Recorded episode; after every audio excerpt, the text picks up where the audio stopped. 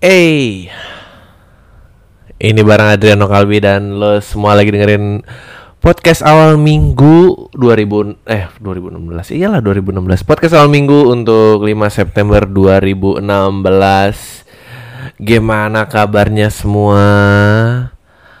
Apakah sudah berpasangan dengan seseorang yang anda inginkan One yang telah lama dicari-cari, cinta akhirnya berbalas, hidup menjadi luar biasa nikmatnya, ha? Sudah? Sudah terbayang masa depan bahagia bersama? Ya, dia itu emang melengkapi gua banget, Ri. Gua tuh kebayang ke depannya kita membentuk keluarga.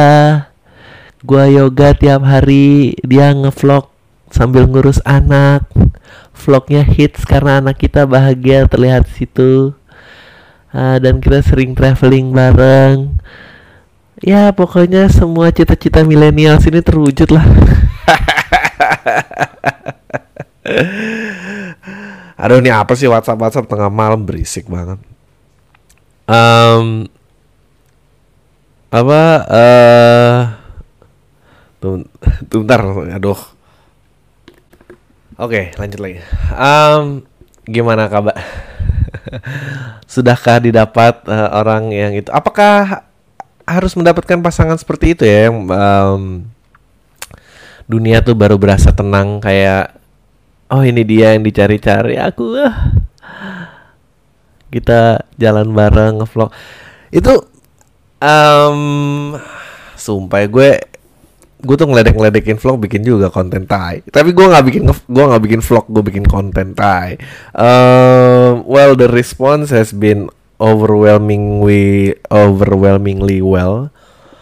Uh, proyek gue Mario itu um, basically sebetulnya tuh simple banget sih. Uh, orang gue cuma ya intinya yang eh intinya gue buat ladang itu um, biar jad, biar ada pemasukan lah untuk subsidi silang sama ini semua. Karena kan eh, nggak uh, nggak mungkin ya gitu. Even even podcast ini ya podcast ini untung tapi dikit banget. Gue harus uh, ngambil dari tempat lain ya. Di tempat yang gue bareng Aryo ya lu bisa kebayang lah pasti um, uh, bisa disponsorin dari dalam bentuk mobilnya dan you know tempat kita jalan. Dan ya udah terus gue ngobrol sama Mario tentang satu topik yang dibahas aja. Uh, intinya sih gitu ya mungkin ke depannya mungkin ada bintang tamu atau apa gue gue juga belum tahu. Tapi yang jelas uh, thank you banget.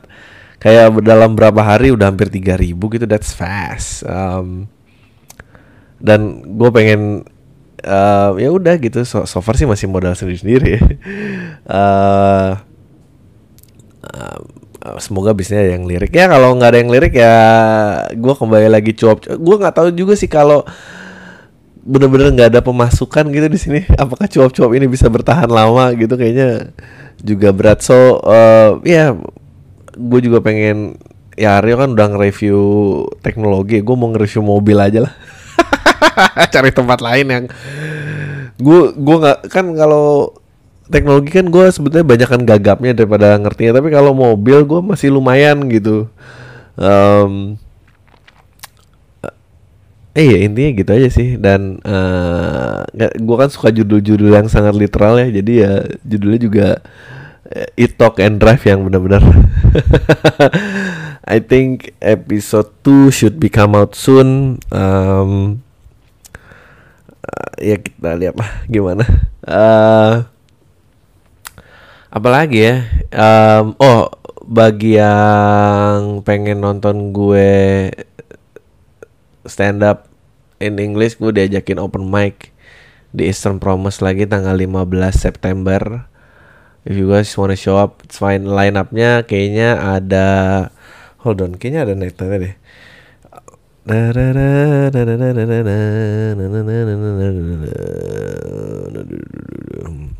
Um, ah bukan ini. Gini banyak banget sih grup uh, line upnya ada Bahtiar Asep Ben uh, Fatia gue dan Mosidik um, and then uh, ada lagi tanggal 1 Oktober itu di ada di bar dan restoran di namanya Distrik itu di Cipete. Itu gue Ben sama Regi. Uh, itu gratis all you need. I'll be performing old beats maybe some new beats yang yang belum pernah tapi yang jelas karena itu show gratis gue pakai beat beat lama lah ya. Uh, ya yeah, come makan nongkrong uh, makan minum bareng kita dan we'll will have a good time. So ya gitu deh jadi gitu. Um, ya udah promonya itu aja uh, ya ntar Rabu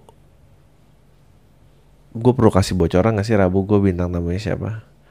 Pokoknya berusaha mainstream lah gue Rabu tuh. Cik gitu. Mengikuti animo masyarakat lah. Uh, um, apa lagi ya? Eh nggak ada. Eh gue lagi cerita. Gue sebetulnya nggak gitu banyak topik nggak ada yang serius lagi mau ngomongin uh, relationship dan oh sebelum before we get into that ya gue pengen lihat eh gue gue lagi suka grup ini tau gak lo? Ini katros ini.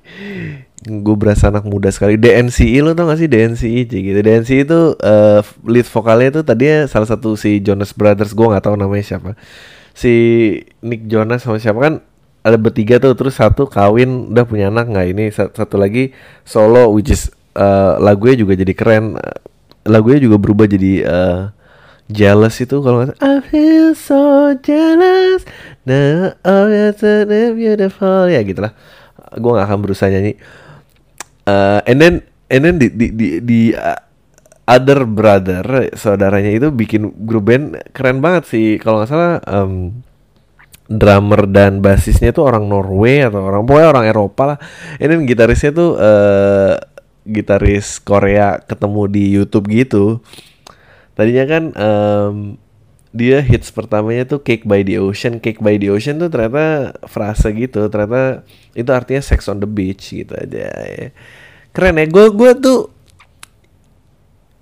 gue tuh menantikan gue tuh nggak sebetulnya gue tuh nggak seidealis. Itu gue tuh sangat pop orangnya. Gue sangat pop. Gue cuma gue cu ini topik yang selalu gue bicarain. Gue cuma pengen uh, ceritanya tuh evolve gitu. Karena uh, apa semua cerita cinta mau mencari cinta sejati doang? Gitu gimana sih maksudnya nggak ada yang have fun nggak ada apa sih cake by the ocean. Aja itu Aduh, gue tuh mengenang masa muda banget. Gue tiga dua gitu. Sekarang itu kelakuan, itu kelakuan gue kan kayak dua lima, dua enam, dua tujuh tuh lagi kayak gitu-gitu. Nah, uh, yang adult gitu ya mungkin mungkin kalau di luar lebih muda lagi kali ya mungkin tuh kerjaannya umur dua dua dua tiga dua empat lah pokoknya era-era 20-an lah dan aduh abis itu kan dia bikin lagu yang kedua ya, dia kan uh, waktu v VMA Awards kemarin uh, Alicia Keys datang nggak pakai makeup gitu. Jadi kayak statement bahwa dia, dia mendeklar dia udah nggak mau berhenti makeup.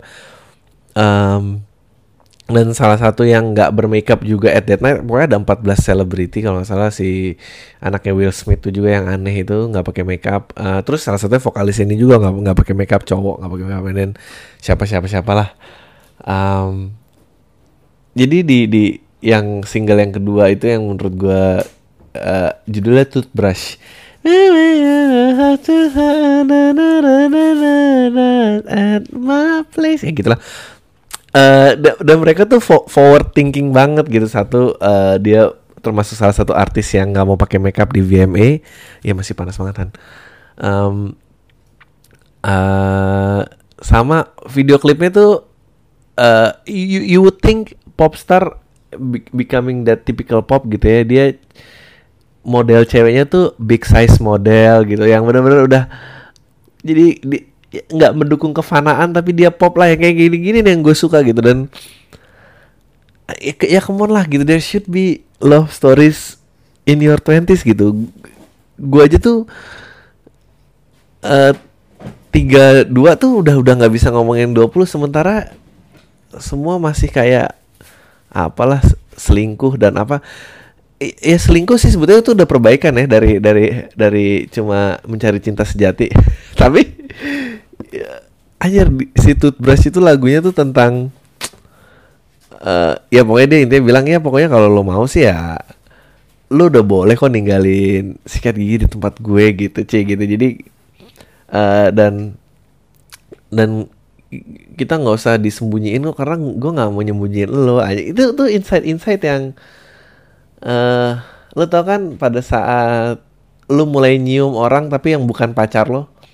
Terus atau lu dicium orang yang lu nggak pacaran gitu lu khawatir kayak anjing sebetulnya dia tuh nganggap gua nggak ya? Apa gue cuma dianggap murahan?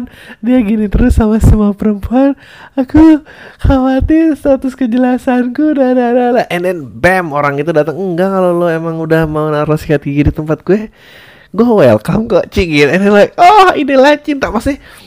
Kan kayak gitu kan kita tuh kan pacaran kayak gitu kan evolve lu tau kan kalau lu pertama kali pacaran tuh eh, punya prinsip tinggi ya. Nggak tahu sih kalau lu emang murah dari awal sih yang lain soal tapi kebanyakan orang kebanyakan orang kan punya prinsip tinggi yang kayak ya kalau belum dua minggu nggak mau pegangan tangan belum sebulan nggak mau dicium and then once lu pacaran pertama sebulan dicium lu putus lu pacaran lagi hari pertama langsung ciuman gitu and then eh abis itu lu mulai nyium sebelum pacaran gitu. Nah kenapa nggak ada sih lagu-lagu gitu gitu nggak ya misalnya ya tapi susah sih ya. Ternyata gue juga baru tahu eh, film waktu itu buruan cium gue itu menerima banyak kritik loh. Padahal ya kalau udah mau ya mau aja kali gitu ya. Apa bedanya sih pakai status pacaran sama cium? Itu kan kalau emang orangnya udah ngizinin tanpa perlu status kenapa enggak gitu? Deh that should be eh, permainan yang anak-anak 20-an lah sih gitu Eh, tuh. Dan lirik-liriknya tuh nyenengin gitu. Jadi itu liriknya kayak Maybe you don't have to rush You could leave a toothbrush at my place. Eh, my place. Ini gak ada konten gue nyanyi aja loh. Terus kayak We don't need it Keep it, keep it hush You could leave a toothbrush. Maksudnya itu bener banget. Emang kalau lo em, Ngambil jatah gak pakai status tuh semua orang bertanya-tanya dan dalam kekhawatiran dan lu pikir aduh ini cinta apa bukan ya? Dan dan dan dan, dan cowok ini memberi kepastiannya kayak gitu nggak nggak apa-apa tinggalin aja sekali kalau emang kamu seneng di sini gitu. Dan kita nggak perlu ngerasain kok karena nggak ada yang perlu dirasain tinggalin aja nggak semua orang tahu ada yang mau pernah di sini nggak apa-apa. Terus kayak ngomonginnya um, standing there when you're standing there in your underwear and my t-shirt from the night before. Aduh emang seksi banget gitu. Terus eh, ini gue berasa kayak om omong ngomongin apa relationship anak muda gak sih? Em, apa eh, yang seneng tuh no no need questions next time we meet. I know you're coming home with me yeah kayak lu tau kan kalau gue gak tahu ya lu tuh tahu apa enggak apa lu emang cuma masih jomblo galau? Gue nggak tahu nih target marketnya di mana tapi buat lo yang pernah ngalamin atau lo yang belum pernah ngalamin ya at least bayangin aja. Em, apa eh em, apa namanya? Itu tuh kalau lu misalnya kejadian eh lu nganterin dia pulang ini lu eh, ciuman terus balik lagi besoknya ketemu di mana party teman terus yang kayak harap-harap cuma seru dia apa apa cuma anggap itu nggak kejadian? Apa emang gimana? Ini terus kayak udahlah pokoknya kamu balik sama aku aja. Aduh itu rasanya. Han kita masih ngerasa kayak gitu gak sih? Nggak ada? Masih. masih? Alhamdulillah. Tunggu, bentar. Ini loh anak manis yang udah lama gak kedengeran suaranya. Coba Em, Iya gue gua, gua cuma berharap Bergeser ke sana gitu Bisa gak sih? Susah ya kayak em, Humania, tai Humania lagi referensi Tapi Humania tuh juga gitu 90-an kayak eh Apa gimana dia bilangnya? Eh, Yang mana? Bermalam panjang di rumahmu meskipun bukan malam minggu itu kayak ya benar gitu ya 20-an, 23, 24 tuh kayak gitu emang. Eh, enggak gua nggak bukan bilang itu so, so luar negeri emang enggak yang ngekos juga kayak gitu ketinggalan. Gue gue tuh tahu juga lagi trik-trik kayak ya udah itu sepatunya bawa masuk aja ntar biar nggak ada yang ibu kos nggak tahu. Gue tahu maksudnya.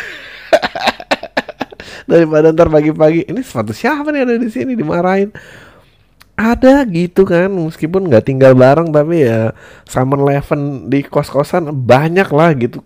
Kok itu nggak mau keluar gitu? Tapi susah lah. Kalau buruan cium gue aja ternyata eh masih di iniin orang ya gitu. Entah sampai kapan lah kita dalam keterpura-puraan ini. And uh, uh, uh, uh, uh, uh. And then apa lagi ya? Ya, udah ber- oh 15 menit. Eh, Oke. Yang berikutnya pengen gue bahas adalah kayak gitu pakai pengumuman. Um, AA Gatot dan Re What the fuck happened man? Itu orang ya.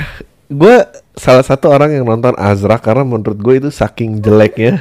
Itu lucu banget lo harus nonton sih. Kalau lo bisa cari eh apa eh, bajak eh gue nggak boleh sih mempromosikan bajakan di tai gitu.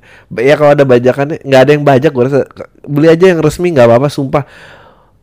Worth your money banget lo nonton Em, kalau lo nggak kalau lo nggak ngeganja pengen ngerasain efeknya ganja gitu lo nonton itu ketawanya ya kayak gitulah. Pokoknya lucu banget lucu banget sampai eh, pening gitu kepala tuh saking ini hancurnya eh dan gua nggak tahu sebetulnya dia tuh mempersif itu kan waktu itu kalau di Jakarta sempat tayang berapa eh sempat tayang beberapa studio studio 21 eh, terus di take down.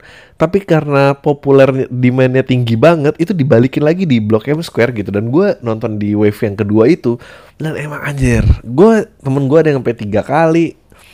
Dan pada saat dia ketangkep gara-gara nyabu tuh make sense buat gua karena oh ya terang aja dia nyabu makanya filmnya kayak gitu. Nah, tapi gua nggak tahu eh, dia ini menerima semua ini eh pujian apa bukan gitu. Dia pede jadi kayak mau bikin kedua padahal sih cuma buat diledekin doang gitu. Gue aduh nggak tau lah orang itu maunya apa eh, tangkap lagi narkoba lagi.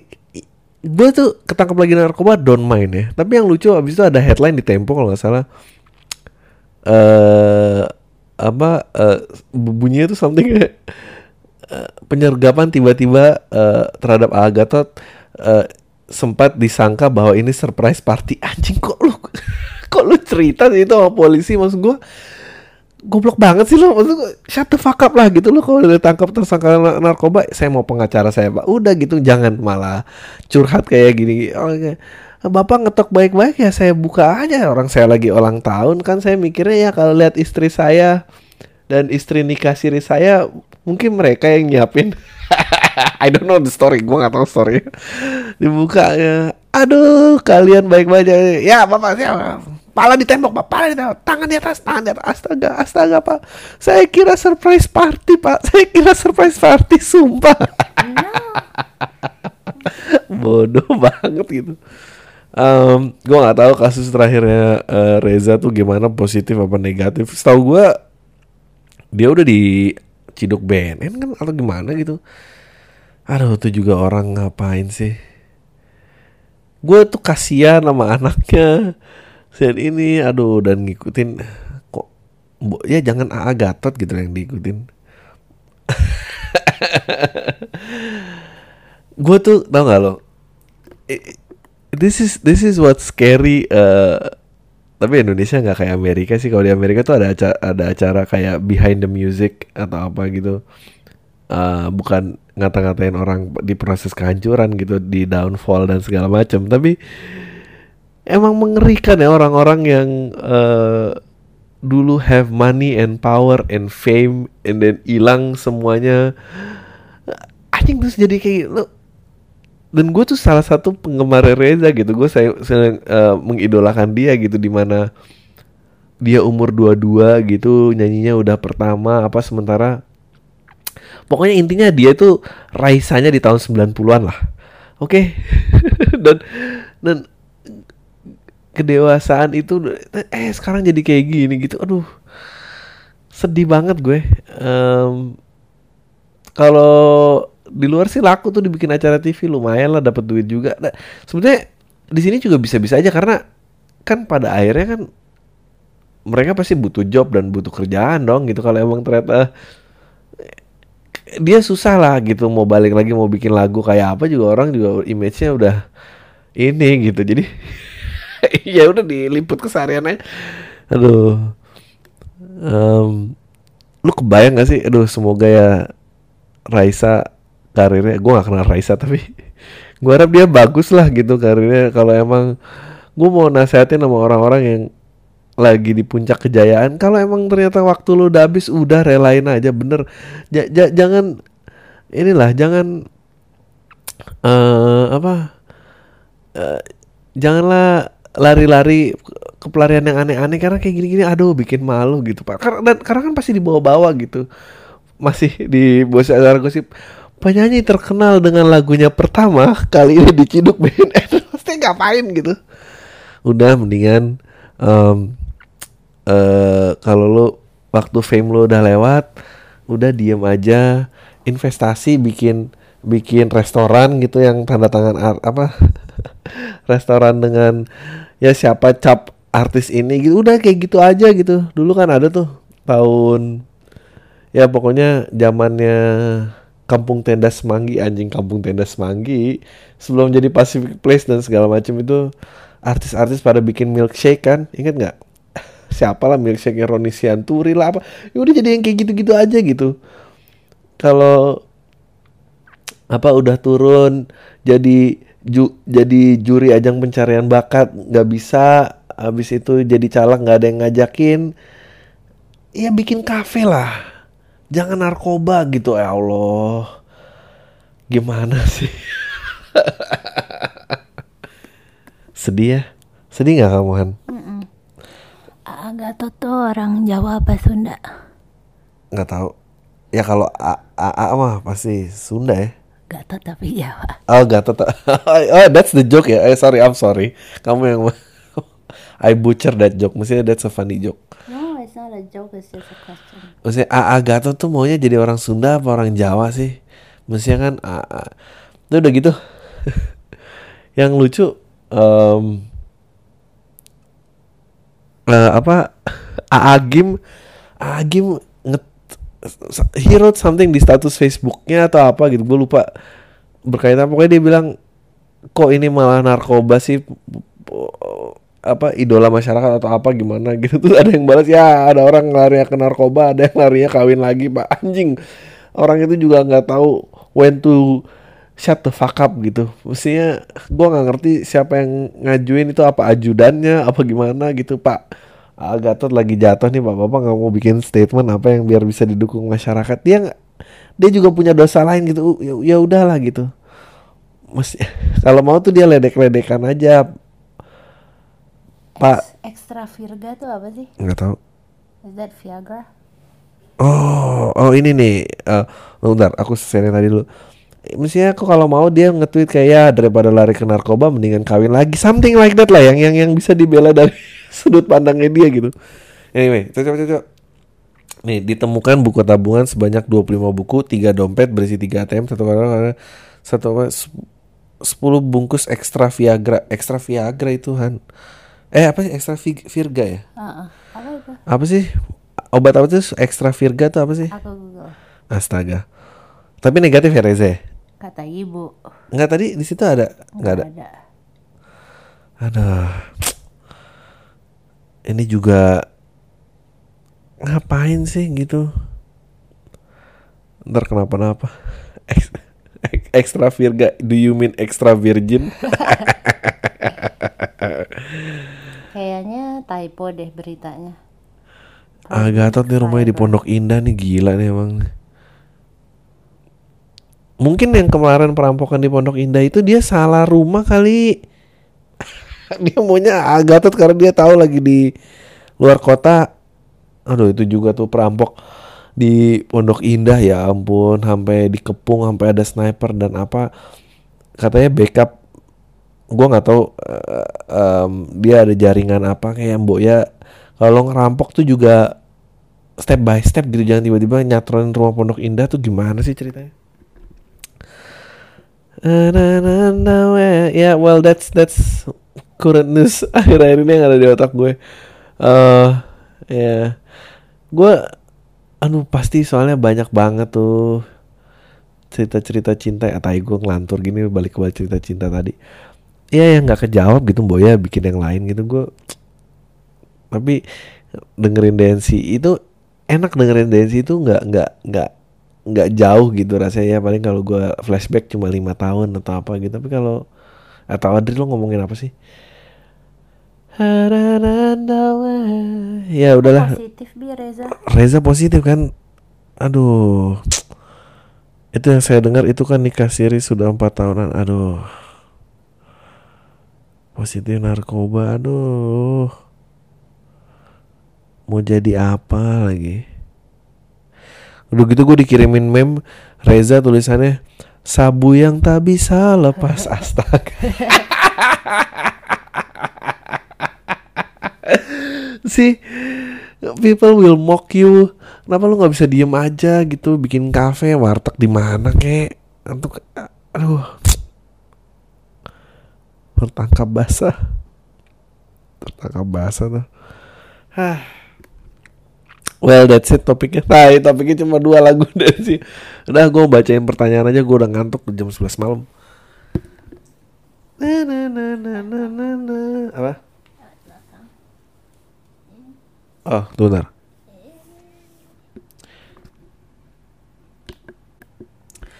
Um, halo Bang Adri, ini dari Novega. Gue tuh pengen nyebutin nama, tau gak kenapa? Eh, oh by the way, ya lu udah tau lah harus email ke mana. Kenapa? Kak, gue juga nyebutin nama cuma nama depan doang, gue nggak nyebutin nama lengkap. Gue pengen nyebutin nama itu biar seolah-olah kesannya gue nggak kedengeran gue email diri gue sendiri, oke? gue nggak mau jadi orang gila itu. Um, apa? eh dibilang, halo bang Adri, gue ngakak sih bang. Minggu lalu sedih karena jumlah email berkurang. Mungkin sih nggak ada hubungannya sama statement lo waktu itu, tapi waktu pas ditanya lebih milih fans dikit atau fans alay? Dan lu bingung gitu, terus malah nanya berapa harga pendengar pam? Hatai sih bang. Eh, gimana mau terkenal? Tapi gue sebenarnya juga mau banyak orang yang dengar dan nonton lu biar jumlah orang sotoy berkurang dan pengen lihat kalau lu udah di atas bakal gimana. Eh sebenarnya gue nggak ada pertanyaan tak ya. Cuma suka kalau karena lu suka ngomong kalau email isinya muji-muji doang tanpa pertanyaan jadi minta pendapat lo aja sudah tentang Jessica dan kopi sianida yang nggak habis-habis. Makasih bang sukses terus soalnya santai. Ya yeah, men that sidang itu tuh gue sih em, apa gue gue sempet nge-tweet gitu the only way ini bisa di stop kalau lu semua udah cuekin. Karena karena udah nggak mungkin udah nggak mungkin eh, saksi em, buk- ya saksi terutama yang menceritakan event yang detail enam bulan yang lalu. Nyet lu ngedeketin cewek yang mana aja kadang lupa. Lu nanya detail udah nggak mungkin udah bias banget dan ada triknya ternyata. Jadi rating di TV itu tinggi banget jadi di di di push terus dan entah kenapa dan terlepas dari semuanya ini kan hanya kasus kematian satu orang. Kasus kematian satu orang tuh mestinya nggak selama ini. Itu satu. Kedua ini tuh eh, tingkat kejijian. Gue punya teori ini tingkat kejijiannya tuh pas. Jadi bisa diprolong dengan lama orang tuh nggak ngerasa gimana. Tapi kalau misalnya kayak kemarin ada pengusaha yang eh meniduri anak kecil berapa 60 orang atau apa itu tingkat kejijiannya dari masyarakat tinggi banget. Jadi turn off dijual nggak bisa itu jadi dibunuh dengan racun somehow tuh seksi dan orang-orang tuh ngerasa distance bukan ah ini bukan nggak mungkin lah istilahnya gue atau teman gue dibunuh dengan racun bla bla bla tapi kalau anak tuh berasa too close to home jadi eh iya men itu jangan ditonton lagi sih itu komersil banget dan bias eh, orang dikasih mic aja suaranya bisa berubah gitu apalagi dikasih kamera itu em, hakim-hakim dan jaksa dan itu itu tuh tuh udah kacau sih. Jangan sih. Eh gue nggak punya well gue punya verdict tapi gue nggak bacain kayak gitu. Gue mau nanya eh dari Abdul gue mau nanya waktu kita lagi on stage stand up menurut lo cara yang paling baik untuk mengarahkan audiens supaya mudah masuk ke theater of mind tuh kayak apa sih? Gue selalu bermasalah tentang your regards um, alias nah oh siapa sih ini gue nyebut nama asli lagi dia ngasih alias Uh, well, hit eh, gini loh. Ini bicara tentang sayap, tapi gue berusaha sebar lu, uh, gue perlebar biar berguna buat pendengar pendengarnya. Everything tuh semua sama aja dengan kayak lu ngedeketin cewek. Lu baik baik itu pasti di awal kan. Maksudnya untuk menarik perhatian dan apa sama gitu. Um, lu nggak bisa perform mikir uh, mikirnya satu tentang joke itu doang gitu lo harus undang mereka bahwa oh ini menarik untuk disimak bla bla bla. Um, you gain their respect. And then joke-joke yang lebih kompleks mundur setelah uh, kalau gue sih kayak gitu ya ditaruh di belakang setelah gue udah diterima gitu. Jadi gue ajak masuk ke tempat yang lebih dalam tuh lebih gampang. Tapi kalau dari awal udah tentang uh, ribetnya lo gitu ya orang nggak tertarik sih. Oke salam dari Fikri langsung aja bang. Apa yang apa yang akan bang Adri lakukan kalau jadi dosen? Anjing misalnya kalau ada mahasiswa yang telat datang atau ada yang suka ngerjain skripsi atau TA main copas dari Wikipedia tanpa edit intinya hukuman apa aja atau tugas yang bakal bang Adri kasih ke mahasiswa? Apakah bakal sesuatu yang mainstream atau bang Adri mencoba udah beberapa hari belajar di Australia? Udah gitu aja jawab panjang lebar nggak apa-apa. Siapa tahu mau buka universitas bang diajakin jadi dosen. Terima kasih bang. Sukses dan jadi gila suicidal ya eh gue actually em, nggak berminat sama sekali menjadi staf pengajar atau apa karena apalagi yang namanya dosen ya gue kayaknya nggak tahan godaan deh kalau ada mahasiswa yang deketin atau apa gitu mati deh gue kayaknya. Atau gue salah nanggep perhatian dia cuma nanya tugas tapi gue nyangka wah kayaknya orang ini suka sama gue. Gue nggak nggak nggak siap gue diemban dengan kekuasaan yang tinggi seperti itu. Em, let's see kalau gue punya anak eh, murid yang nyontek dan apa hukumannya apa ya? Nggak tahu ya. Paling gue kayak lu mau jadi apa sih kayak gini lu pikir gue nggak aduh I don't know. Gue pasti akan serang dan gue celah-celahin sih kayaknya. Lu nggak mikir apa orang tua lu udah susah? Eh eh, gue kasih tau yang ribet tuh bukan hidup lu doang. Ah emang dasar goblok. Kalau udah nggak mau kuliah nggak usah kuliah aja. Um I don't know. Eh gue eh gue nggak bisa sih. Anak muda gitu yang sok tahu berasa ih jijik gue padahal gue anak waktu muda juga sok tahu tapi gue iya. Yang paling gue kata-katain kayak gitu sih. Jangan sebut nama ya Bang ada Hai Bang Adri yang podcastnya makin keren. Langsung aja Bang. Apakah karya idealis bisa berkembang baik Kalau ruangannya dibatasi? Maksudnya Kalau kita masih bagi kehidupan sama kerjaan kantor Dan berkarya idealis Maksud saya Kayak gue gitu. Maksud saya yang namanya karya idealis bisa diakui. Nah gue berarti bukan gue Gue karena nggak diakuin. Dan akhirnya bisa dijual karena butuh waktu buat merintisnya Eh, Adri bener nggak karena orang basicnya udah kaya atau nggak belum kerja karya idealisnya bakal bebas berkembang ketimbang bagi orang yang kerja sama kantor. By the way saya graphic designer di agensi yang makin ngerasa kreativitasnya dibatasin di sana tapi digaji tiap bulan di luar jam kerja saya masih bikin karya-karya idealis yang bikin saya happy tapi duitnya nggak banyak dari sana. Makasih bang sukses terus podcastnya salam tai. Send from my iPhone. Um, uh, yes and no kayak gua rasa kalau lo lebih privilege lebih banyak fasilitas oh ya tapi kalau lo nggak pernah punya mm, kayak apa yang lo tuju apa yang lo mau buat kayak cita-cita gimana kayak fasilitas itu means nothing. Kedua gue percaya eh gue dulu gue percaya dengan spesialis tapi makin ke sini gue makin nggak percaya karena em kalau lo ngelihat eh, orang-orang zaman dulu gitu ya Van Gogh atau yang bikin Mona Lisa siapa? Van Gogh? No, it's not Van Gogh. Bukan. Siapa yang Mona Lisa? Lupa. Ya itulah Leonardo da Vinci. Uh, or, or or atlet-atlet Olimpiade 100 tahun yang lalu eh semua itu mereka eh kerja loh gitu. Maksudnya uh, it it keeps you ya gue bisa ngomong ini karena satu emang belum mampu. Kedua inspirasi lo tuh daily life. And then kalau lo cuma ngerjain ini doang and then you'll get stuck. Ya udah itu tuh doang gitu. Gue dengan kerja gue tahu insight orang kerja gue tahu apa gitu. Gue dulu juga sangat sulit untuk gue lebih merasa gue lebih kreatif sekarang bukan karena apa mi- misalnya zaman dulu advertising gitu itu reference gue nggak lebih dari iklan. Itu jelek banget buat gue Uh, so yeah I think idealisme atau karya lo berkembang as searah dengan se- sejalannya perkembangan pikiran lo sih anjing sok banget lo deh ya pokoknya gitu deh kira Halo Bang Andri, podcast yang dari Yogi? Gue mau tahu dong point of view lo tentang George Carlin. Ah, one of the greats yang gue nggak akan pernah nyampe titiknya. Eh, Tapi gue eh I like his evolution.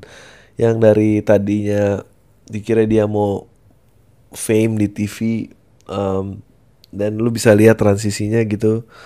Dari yang apa aja dilakuin dan dia bilang wah ya ngebadut banget lah. Sampai akhirnya fuck it gue tinggalin dan apa dan menjadi modern one of the best modern philosopher. Apa yang lu lakukan dalam menghadapi orang loser? Um, gue menghadapi orang loser itu gue diemin aja sih. Gue gue cuma mau mentingin diri gue dan orang-orang yang masih ada harapannya mau progres lah. Kalau enggak mah malas bukan urusan gue lah. Gue tuh tempat kerja banyak orang loser bang. Mereka bangga banggain anjing banget tuh tai banget. Mereka bangga banggain nikah muda sampai gue muak. Gue terus gue sautin alah paling nikah muda karena hamil duluan. Astaga. Terus mereka diem aja. Terus gue tinggal besoknya mereka diemin gue kenapa ya masih ada orang yang nggak nerima kenyataan dengan alasan-alasan yang nggak masuk akal? Thanks bang. Semoga podcastnya makin banyak iklan-iklan terselip santai. Um, I don't know man Um, ya makanya kita ketemu kan kalau lo general people lo gak kenal gue gak tahu sih. I I guess bahagia tuh kawin muda kali aduh.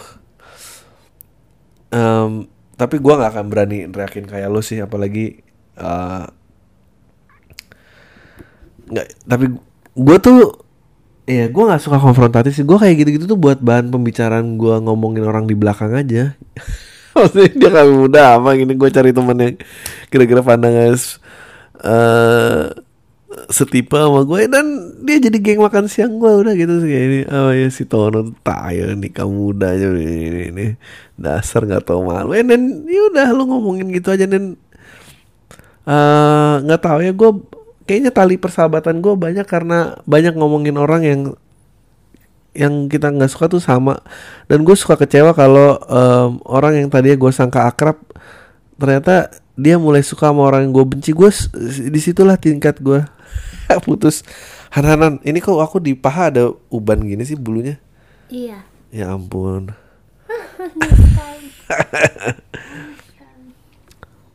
Iya gue iya gitu sih. Apalagi ya?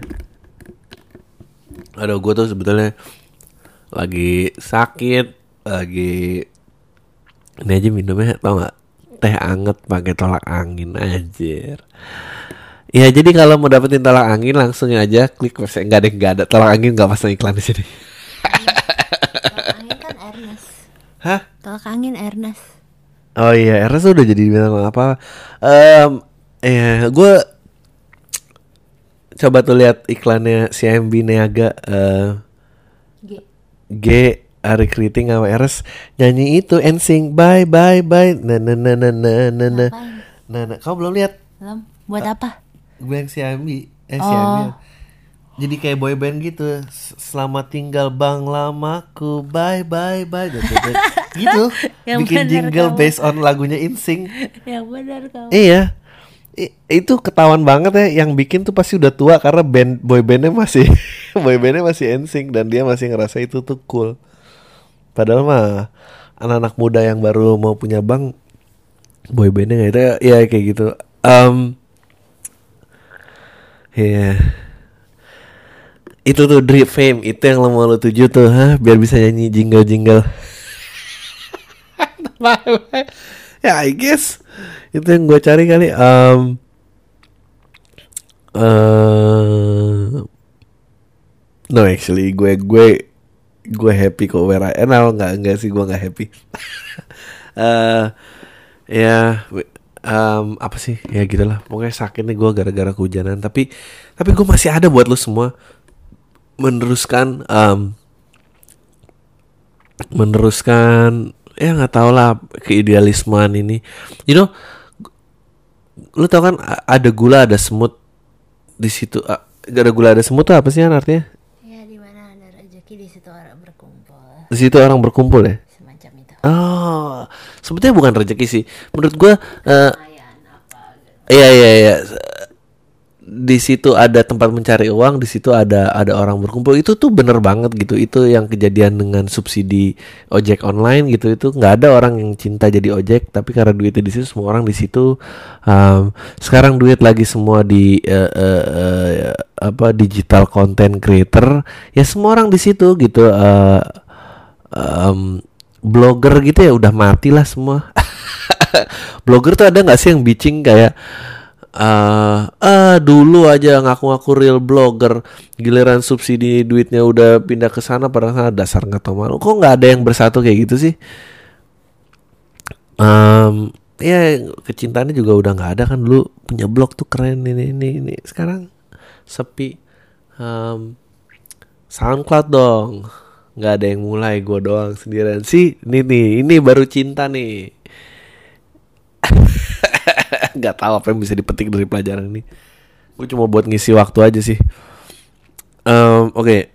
Halo bang, gue Harir nomor 25 tahun. Gue kayaknya satu-satunya pendengar lo di Pulau Sumbawa, NTB Mantap! Ini email pertama gue bang. Bang, lo sering curhat gak sama bokap atau nyokap lo? Soalnya kalau gue curhat, apa mereka selalu jawab Abang kalau lagi galau gitu, sholat dan ngaji. Males kan bang? Udah gitu aja bang. By the way Lo kayaknya lebih cakep gondrong deh sekarang bang Tai aku mau ke Sumbawa. Mau ke Sumbawa? Mau. Emang ada apa di Sumbawa? Hmm, pantainya bagus. Aku udah pernah. Kita mau ke sana? Tapi kerja mau tapi mahal. Kita perlu umumin dan bikin vlog liburan nggak? Enggak. Kamu nggak mau liburan apa? Biar orang Kamu itu aja tuh siapa tadi? bi- biar orang tahu betapa lengkapnya hidup kamu. Fana. Fana. Em, ketemu orang ini kamu mau? Mau? Ini kamu di ngomong kayak gini, dia ntar pasti ngemail lagi deh. Bang, kalau nggak jadi datang pasti tahu saya ini tuh tour guide oh gini, gini gitu. Kamu mau kayak gitu? Iya. Nambah teman. Well, gue sering curhat sama em, eh, apa namanya? Em, orang tua gue, orang tua gue juga mirip kayak gitu sih. Terutama nyokap gue. Nyokap gue tuh nggak cuma tentang kalau lagi curhat malah nyokap gue tuh eh anjing gue ngomongin nyokap bodo amat lah. Eh bukan nyokap gue bukan cuma tentang curhat nyokap gue tuh apa aja ke- jadi kayak lo, lo nonton misalnya dokumenter laut gitu ya terus kayak eh, bahwa tidak ada warna yang tidak terdapat dalam ikan oh memang Tuhan tuh luar biasa ya. Kayak semua tuh ke sana gitu. Apa kemajuan medis ini ini ini, ini. ya itulah Tuhan membuat manusia. Dia pasti belokannya ke sana Em, ya I don't know man itu emang ya orang tua emang suka kayak gitu. Tapi kalau lo mau ngomong kayak gitu lo bilang aja gini gini lo iya pak bu saya ngerti sholat dan ngaji gitu. Tapi kan eh, bapak ibu ini orang tua saya apa udah nggak mau emang nggak mau dengar masalah saya? Kalau nggak mau ya saya berhenti aja nggak apa-apa gituin aja gitu. Kamu nih dasar belakang nggak deh bilang aja kayak gitu. Kan orang tuanya bapak nggak mau dengerin ya. Eh, tapi you know parents pa- parents tuh doing the best that they can. Mungkin eh you know mungkin lu zamannya kakek lo atau dia curhat kakeknya bahkan nggak ngomong apa-apa dan tinggal pergi jadi feedback kayak gitu aja udah improvement buat lo ah, ya I don't know ya mungkin kali eh Tapi daerah dia emang Islam banget ini. apa Daerah situ emang Islam banget. Nah, iya enggak no, but that, but that's not the point. The point is uh, uh, apa apa orang tua yang nggak mau dengerin curhatan anaknya. Yeah, I bet he's not the only one there in his area. Makanya- Makanya dia dengerin kamu. Iya, eh. Um, oh, dia dengerin aku karena Karena dia anomali. Ano- karena aku pernah ke sana dan aku tahu betapa Islamnya daerah dia. Karena aku nginep di motel yang lumayan paling decent. Eh, tapi udah lama sih ini. No no no, no, tapi maksud topiknya adalah kan kan orang tuanya bilang mendingan sholat dan ngaji. This is, ini bukan tentang sholat dan ngajinya, ini tentang orang tua yang kalau dicurhatin nggak mau denger. It- Iya karena it's a very close knit community. No, maksud aku gini loh. nggak ada perspektif lain. nggak maksud aku gini, it, it could be something else gitu. Hmm. Misalnya ya kamu kalau kayak gini liburan lah, itu sama aja. ya kan? Misalnya katakanlah ada anak yang kaya banget gitu, terus dia curhat terus orang tuanya eh tapi itu lebih lebih enak lebih enak sholat apa liburan? Ya, maksudnya misalnya misalnya orang tua kamu kaya banget dan kamu lagi lagi curhat terus orang tua kamu bi- cuma bilang ya kamu kalau galau-galau gini ya liburan lah itu kan duitnya ada. Kan itu it's the same response. Iya. Iya. iya bukan bukan tentang agamanya agamanya di dipengaruhi background ya tapi eh, kamu di dis kayak gitu itu di disnya itu loh yang yang yang nggak enak Kamu tahu nggak cerita aku di Bima? apa Jadi aku nginep di motel gitu. hmm. Eh, wallpapernya Ka'bah. Hmm. Terus aku ngerasa aneh aja karena item gede gitu loh Iya. Ka'bah. Terus abis itu aku bilang, nanya ada ini nggak ada kamar lain nggak gitu. Terus aku dikasih dikasih kamar lain. Gambarnya ini sepasang suami istri lagi sholat wallpapernya lebih par- lebih parno lagi bi. eh Jadi aku yang tadi aja deh kamarnya gitu. Orangnya ngadep aku. Nggak, the, the, the point that I'm trying to make adalah eh, not so much of dia ngedis diarahin ke agama, tapi lebih kayak ya, kita emang nggak terbiasa gitu as uh, hubungan. Pokoknya intinya adalah setiap generasi itu adalah korban orang tuanya. Udah oke. Jadi em, eh, relationship itu emang susah gitu. Um, mereka respon gitu that's the best way that they could gitu meskipun kalau lo keluarga lo lain kalau misalnya keluarga lo kaya bisa aja direspon kata ya kamu kalau galau gitu ya lah bawa lah mobil mahal itu keluar kamu kan suka tuh nyupir nyupir it's not about that it's about that lu presence buat present buat gue gitu loh. Ya lu gituin aja. Tahu nggak? Apa sih tadi? Ya intinya ya ya tau lah. You get my point. Oke ini lanjutan kemarin ya. Ada eh, pebasket yang sering dapat technical foul karena berhijab berjauh di podcast. Dia bilang apakah bo- basket eh, harus merevisi aturannya? Gue gini loh, ini menurut gue eh, hak berpakaian adalah hak setiap individu mau lu telanjang mau lu ditutup semua itu terserah lo. Tapi yang susah adalah when you start to impose others untuk mengerti pilihan lo. It that's the line when it gets so tricky menurut gue um, ya dan gua nggak nyalain wasitnya karena wasit cuma ya natin peraturan permainannya. Eh dan pemain juga mestinya tahu ya lo udah pelanggaran lu pengennya diapain gitu. Kalau emang ternyata apa gue juga nggak tahu background peraturan ya. tapi kalau ini harus dikampanyekan dan berharap liga FIBA gitu merubah peraturannya ya susah sih gitu. Gimana sih? Gue nggak tahu tuh lainnya di mana. Tapi bukan berarti lo nggak boleh jauh. Gue mah bebas gitu lo mau nggak ini juga bisa tapi ya tau lah. I- pokoknya itu hak lo tapi don't try to impose others. Kalau di sports ya nggak tahu ya nggak tahu gue men Bang lo pernah kepikiran nggak kenapa combro bentuknya lonjong terus misro bentuknya bulat? Jawab di podcast ya bang. You know, gue tadinya mau marah sama pertanyaan ini anjing lo ngapain sih nanya-nanya nggak penting ke gue. Tapi setelah gue pikir-pikir, ini pertanyaan yang bagus karena bukan masalah bukan masalah combro itu lonjong misro itu bulat tapi gue bermasalah dengan combro yang mau lonjong itu nanggung lonjongnya. Gue sebel sama yang tipis-tipis kayak gitu. Gue paling nggak suka gue nih anak combro banget ya. Gue paling nggak suka ekspektasi udah combro begitu digigit gulanya melejit. Aduh ternyata misro itu gue kesel banget. Gue kesel itu Boya kalau mau lonjong yang jauh gitu terserah deh mana yang mana mau misro jadi lonjong. Pokoknya bikin aturan yang jelas gue pengen tahu combro yang mana. Oke? Combro, Eh, combro. Aku sukanya combro kayak gitu. Combro. Nah, combro, bukan pakai B combro bi. oncom di jerobi Oh benar benar benar benar benar. Sama eh, apa? Dulu yang bilang wifi itu apa? apa Wifi. wifi Ke- ke- Kenapa? Karena fidelity ya. nggak tahu Nggak, eh, ini sama yang kayak itu GIF bilangnya GIF. Sebel banget gua. just just graphic interchange eh iya itu apa gitu. masalah pelafalan kayak orang-orang suka ngomong Nggak, tapi kan G-nya from graphic. orang-orang suka ngomong legging legging Astaga. Em, ya gue benci itu. Gue benci mau gigit. Gue kira daging semur ternyata lengkuas. I also fucking hate that. Em, ya gitulah. Eh, bang share tips and tricks setelah lulus SMA dong. Gimana cara milih jurusan terus pas kuliah apa hal yang harus lakukan. Sama gue pernah dengar ngikutin passion itu nggak penting dalam dunia kerja. Yang penting itu cari peluang, ngikutin arus dan cari peluang yang orang nggak berminat minat jawab di podcast ya. Aduh begini loh anak muda.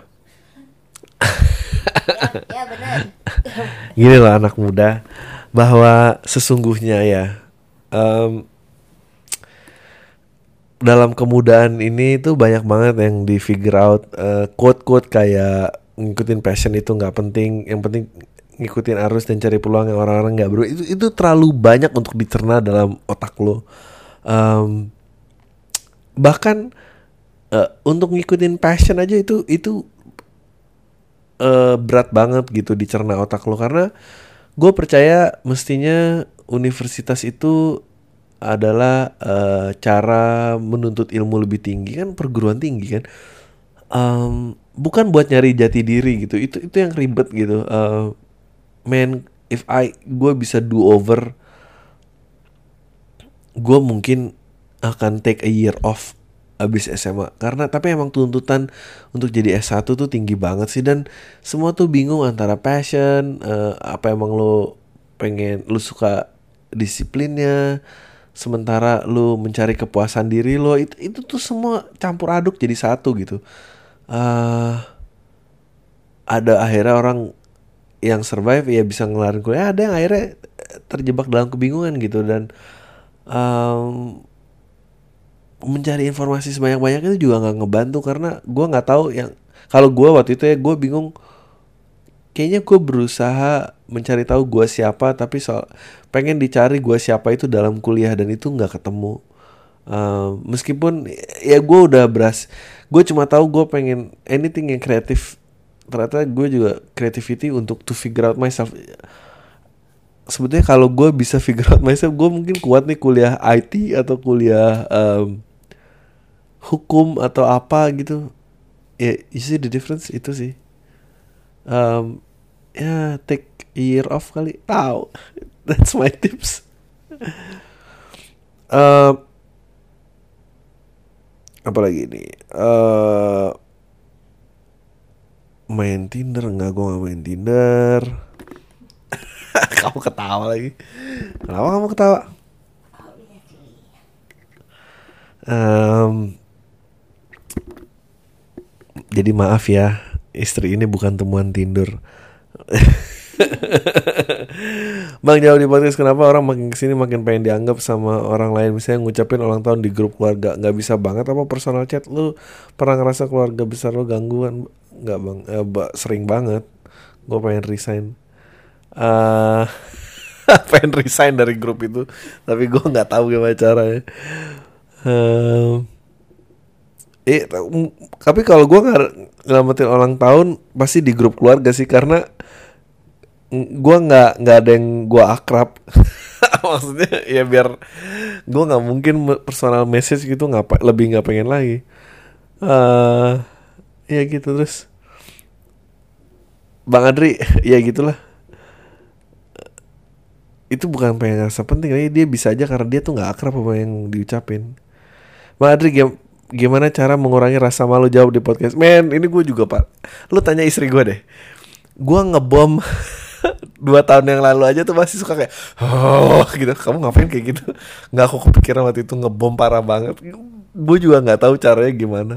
I think I just try to live with it dan menganggapnya emang itu yang gue lakuin di masa lalu. Ngebom apa? Nggak semuanya suka stand up. Ngebom eh, tampil nggak lucu.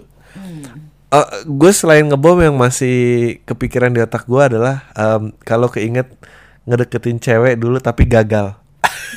itu kayak, oh, gue ngapain sih dulu ngomong gitu sama orang itu gitu kayak Malu. malu. Aku udah lupa lah most of the things I said. Kalau lupa. kamu pernah nggak suka sama orang dia nggak suka sama kamu? Nggak pernah. Eh sih, itu untungnya jadi perempuan. But, Kamu tuh cuma ngerespon yang kira-kira suka sama kamu aja ya? iya. Iya?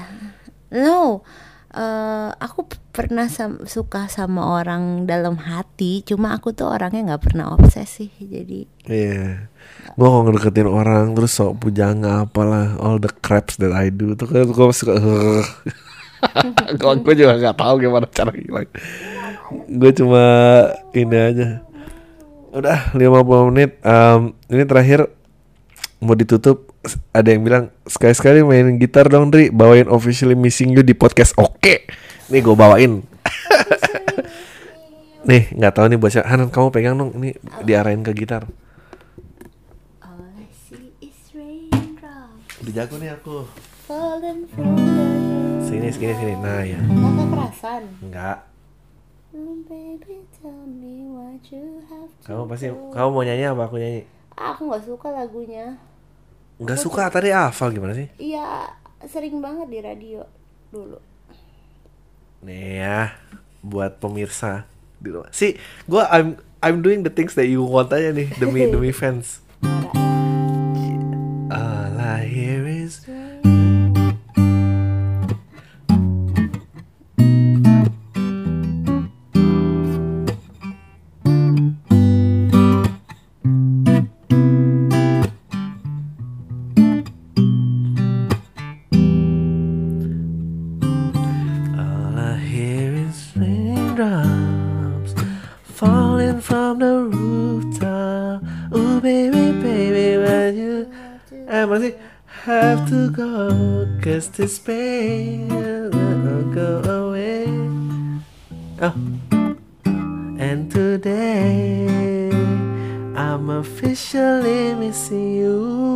Langsung ref aja lah biar terakhir nih.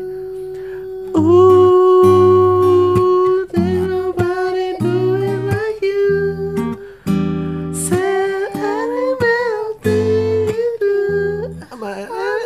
Anything you do. Bodoh. Udah, udah. Kita ulang uh, refnya ya, kita ulang ya. Emang itu refnya, Bi? ya pokoknya itu bagian yang paling enak sih menurut aku.